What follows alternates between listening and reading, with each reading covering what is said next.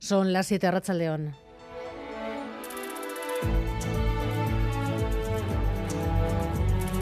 Gambara con Arancha García.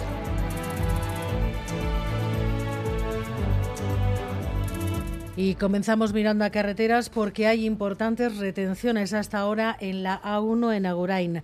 La vía sigue cortada en ambos sentidos tras el choque de un camión y dos turismos. Sabemos que hay una persona fallecida, John Fernández Moore. Efectivamente, una persona ha fallecido en este accidente en la A1 a la altura de Agurain, un accidente que ocurría poco después de las 4 de la tarde y en el que se veían implicados un camión y dos turismos. Tras el golpe, el camión ha cogido fuego y uno de sus eh, conductores ha fallecido. Además, dos personas han resultado heridas y han tenido que ser trasladadas eh, respectivamente a los hospitales de Chagorrichu y Santiago. Se trata de los conductores de los turismos. Según informa el Departamento de Seguridad, a esta hora la A1 sigue cortada en Salvatierra en ambos sentidos. Se desvía el tráfico a través de la Álava 31-38 y se están produciendo retenciones de 5 kilómetros aproximadamente en sentido Irún y de 3 kilómetros en sentido Vitoria-Gasteiz. En cuanto al resto de la red viaria vasca, se circula con normalidad.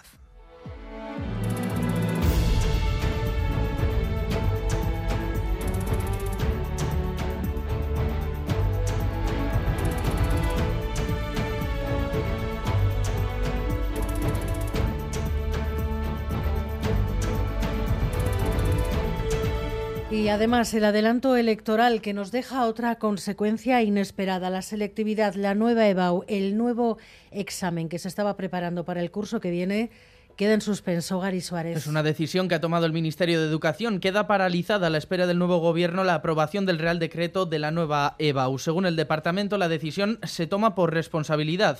Esto ha pillado por sorpresa a institutos y docentes que ya desde antes lamentaban la falta de información en torno a la nueva prueba. Sigor Ibarzabal de Icastol en el Cartea. Eh, nos ha pillado de bastante sorpresa, la verdad. Recibir esta noticia hoy, pues todavía nos ha, nos ha descolocado bastante, sí. Quizás no tenemos toda esa información que, nos gustaría, ¿no? Todo esto sí que genera nerviosismo, sí que genera un poco de incluso malestar en algunos, en algunos momentos. Lo que no cambia, el Euribor sigue subiendo y arroza el 4%, las hipotecas una media de 280 euros más caras cada vez. Y parece definitivo que las alianzas van a diseñar el nuevo mapa institucional en Euskadi a partir del acuerdo global que el PNV y PS siguen negociando. En un margen, EH Bildu que emplaza a que ambos partidos aclaren su estrategia y el Partido Socialista con el PNV va a ser capaz de trabar una alianza en la Diputación de Guipúzcoa o en Gasteiz para quitar a EH Bildu con el Partido Popular de Ayuso. ¿Va a haber una santa alianza contra Euskal Herria Bildu? Háganlo y explíquenlo. Y en el otro, el Partido Popular, que empieza a modular su anuncio de ceder gratis sus votos para frenar a Bildu. La oferta se mantiene, pero decía hoy Carlos Iturgaiz, se ofrecen a participar en los gobiernos que ayuden a UPAR. El PP hoy es decisivo porque la aritmética va ligado, como ustedes saben, a la política, las matemáticas muchas veces van ligadas a la política y así se lo vamos a hacer si, si nos llaman. Gratis sí, pero ciegos no. Nosotros nos ofrecemos, evidentemente para estar, para gobernar allí donde somos clave. Y además, el juego de vetos y votos cruzados empieza a calar entre los socios de la mayoría progresista. El PSN rechaza apoyar a EH Bildu y Bildu no va a aceptar terceras vías que les aparten también del Ayuntamiento de Iruña. Hoy Abay se abre a liderar una alternativa de desbloqueo.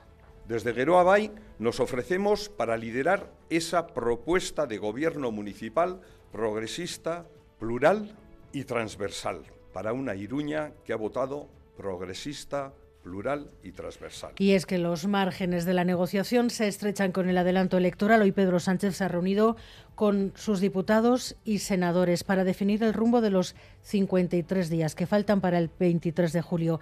Poca sorpresa, el discurso se fija en detener al tándem PP y Vox y anuncia que la campaña va a ser sucia.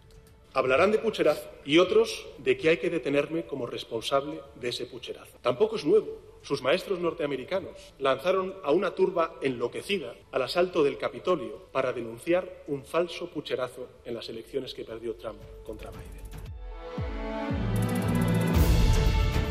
Y desde mañana una regla dolorosa podrá ser motivo para baja laboral. Es parte de la reforma de la ley del aborto. También la interrupción del embarazo dará derecho a baja y no a iglesia. Sí, pero no para todas las mujeres que lo sufran. Mañana entran en vigor las nuevas bajas que se incluyeron en la reforma de la ley del aborto, pero en el caso del dolor menstrual se especifica que solo podrán pedirlo quienes tengan una patología diagnosticada, como endometriosis, miomas u ovarios poliquísticos, por ejemplo. Quienes padezcan un fuerte dolor menstrual pero desconozcan el motivo quedan fuera. Los ginecólogos insisten, si hay un dolor incapacitante hay que acudir a un especialista porque puede haber un problema sin detectar. Chantón Martínez Astorquiza es el presidente de la Sociedad Española de Ginecología y Obstetricia. Yo creo que toda mujer, a pesar de por un tratamiento le duele la regla, creo que sería subsidiaria de coger una baja, porque hay veces que la dismenorrea es incapacitante. Pero yo sí que recomendaría que pasen por un especialista en ginecología obstetricia, que les haga un informe y el médico cabecera luego les da la baja. Sobre todo porque es bueno para la mujer que tiene dismenorrea que sea diagnosticada de algo, porque si le duele y no le miras, pues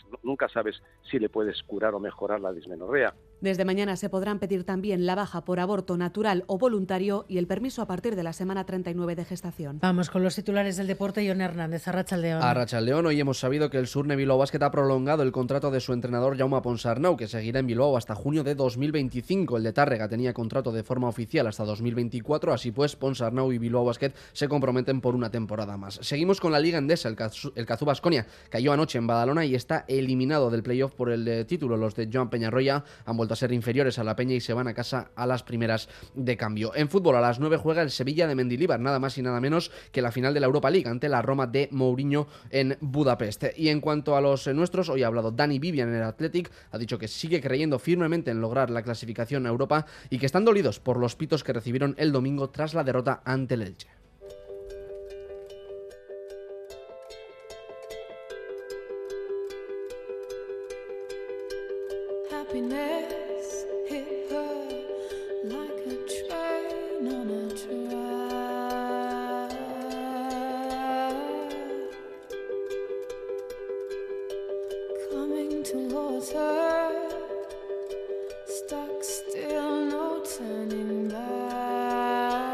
Nueva advertencia sobre la inteligencia artificial y esta vez la puesta en escena es muy llamativa. La primera ministra de Dinamarca ha sorprendido al Parlamento, a su Parlamento, con un discurso escrito por ChatGPT. Xavier Madariaga. Nueve y media de la mañana, los diputados daneses escuchan atentos el discurso de su primera ministra en el Parlamento de Copenhague. Todo normal hasta que en un momento dado, Met Frederiksen suelta Lo que acabo de leer no ha sido escrito por mí ni por ningún otro ser humano. Ha sido escrito por inteligencia artificial. Es a la vez fascinante y terrorífico. La introducción de su discurso de hoy la ha escrito el famoso chat GPT y así la primera ministra danesa ha querido alertar sobre los riesgos de la inteligencia artificial. En cuestión de segundos se puede escribir un discurso como este, redactar un trabajo para la universidad o informes enteros. Frederiksen y su equipo al principio no daban crédito, llegaron a pensar que detrás de la propuesta de discurso había personas y no un robot. Generalmente los discursos los escriben asesores, altos cargos o la propia jefa del Ejecutivo. Toda esta puesta en escena para lanzar una advertencia. Esto cambiará el mundo.